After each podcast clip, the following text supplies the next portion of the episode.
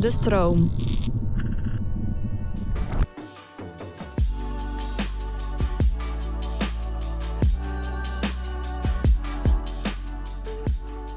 Hallo allerliefste luisteraars en BookTok-fanaten. Vandaag gaan we het boek Radio Silence van Alice Oostman bespreken. Alice Oostman, de meeste van jullie zullen haar kennen als de auteur van de Heartstopper die ik ook gelezen heb. Dus mocht deze bevallen, check dan de andere aflevering over Heartstopper ook. Maar deze superpopulaire schrijfster heeft ook nog een paar andere boeken geschreven, zoals Solitaire, I Was Born For This en Loveless en Radio Silence. Daar gaan we het vandaag over hebben. Ik moet zeggen dat ik heel erg twijfelde over welk boek van Alice ik wilde gaan hebben. Want over Loveless en Solitaire had ik ook heel veel goede dingen gehoord. Maar Radio Silence gaat dus over een podcast. Dus die moest ik wel kiezen. Maar als jullie willen dat ik ook nog even van een andere boek bespreek, laat het dan maar weten. Maar voor nu gaan we toch echt over Radio Silence hebben. Radio Silence gaat over een tiener genaamd Francis die heel goed presteert op school en ervan overtuigd is dat haar toekomst in academici ligt. Ook al heeft ze een passie voor kunst en wil ze stiekem eigenlijk niet naar een universiteit gaan. Ze is geobsedeerd door een science fiction podcast genaamd University en ontmoet per toeval de maker van de podcast, Elliot. Het boek neemt je helemaal mee met het verhaal van Frances en Elliot en de strijd van Frances om erachter te komen wat ze wil doen na de middelbare school. Het boek beschrijft de vriendschap van Frances en Elliot heel realistisch. Ze zijn niet perfect en hun vriendschap is dat ook niet. Er zijn veel rauwe momenten in het boek waar hun vriendschap rotsachtig wordt, waardoor het boek uiteindelijk veel echter aanvoelt. Op internet worden beste vriendinnen namelijk vaak getoond als perfecte mensen die elkaar helemaal begrijpen zonder ruzies of misverstanden. Maar dat doet dit boek niet. Ze zijn namelijk super close, maar hun vriendschap is verre van perfect en er gaan gewoon af en toe dingen mis. Het boek heeft sterke thema's van vriendschap en zelfidentiteit. Frances worstelt om vrienden te maken op school, omdat ze wordt gezien als iemand die alleen maar met school en cijfers bezig is, terwijl ze in werkelijkheid gewoon een gewone tiener is. Nadat ze Elliot, de maker van de podcast, ontmoet, heeft ze eindelijk een vriendschap waarin ze zich echt zichzelf voelt. Voor één keer heeft ze iemand met wie ze een relatie heeft die haar goed kent.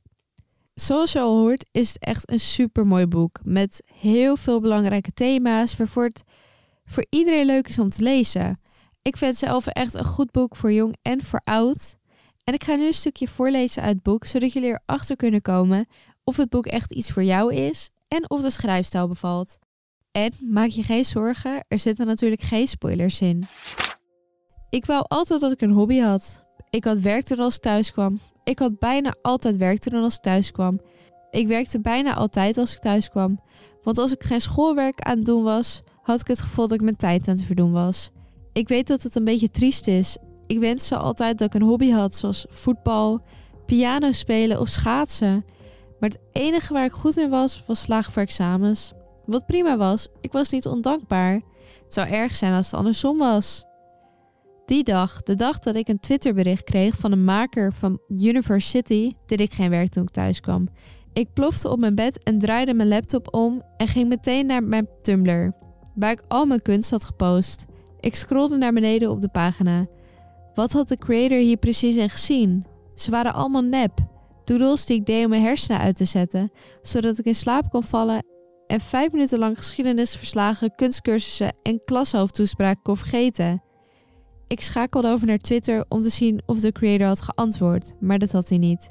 Ik controleerde mijn e-mail om te zien of ze me hadden gemaild, maar dat was niet zo. Ik hield van University. Misschien was dat wel mijn hobby: University tekenen. Het voelde niet als een hobby, het voelde als een vies geheim. En mijn tekeningen waren toch allemaal zinloos. Het was niet alsof ik ze kon verkopen. Het was niet alsof ik ze met mijn vrienden kon delen. Het was niet alsof ze me naar Cambridge zouden kunnen krijgen. Het verhaal was best wel herkenbaar, want ook ik heb, zoals bijna iedereen hier wel, geworsteld met mijn eigen identiteit en het vinden van mensen bij wie ik mezelf kan zijn. Ik denk dat dit veel voorkomende problemen zijn voor mensen tussen de 12 en 17 jaar. En daarom raad ik het ook juist aan middelbare scholieren heel erg aan. Je gaat door het boek echt een beetje op zoek naar jezelf. De boodschap van Radio Silence is dat het oké is om niet te weten wie je bent of wat je wil doen. Ik denk dat het een super mooie boodschap is. Vooral voor tieners die belangrijke beslissingen moeten maken over waar ze willen studeren en wat ze willen studeren, welk vakkenpakket ze willen kiezen. Het boek laat zien dat school niet alles is en er zijn veel opties om met je leven te doen wat je wil doen. Na dit mooie einde wil ik jullie weer bedanken voor het luisteren naar de aflevering. En laat mij vooral weten op Instagram of TikTok wat jullie van het boek vonden. Onder Noël Lees Wel ben ik overal te vinden en laat hier vooral weten welke boeken hier nog meer voorbij horen komen. Ik lees echt al jullie berichtjes en ik vind het onwijs leuk om met jullie nog alle boeken na te bespreken en te discussiëren. Voor nu wens ik jullie nog vooral heel veel leesplezier en dan kom ik volgende week terug met een nieuw boek.